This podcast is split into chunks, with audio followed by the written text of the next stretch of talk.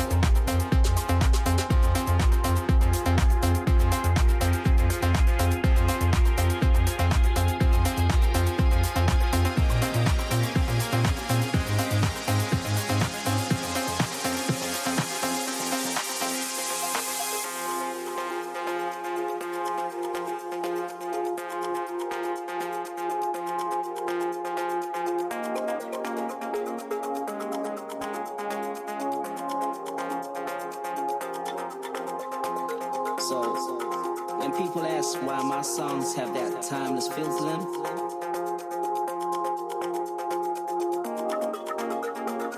that's what I need to explain. It's in the very nature of how I rap my songs.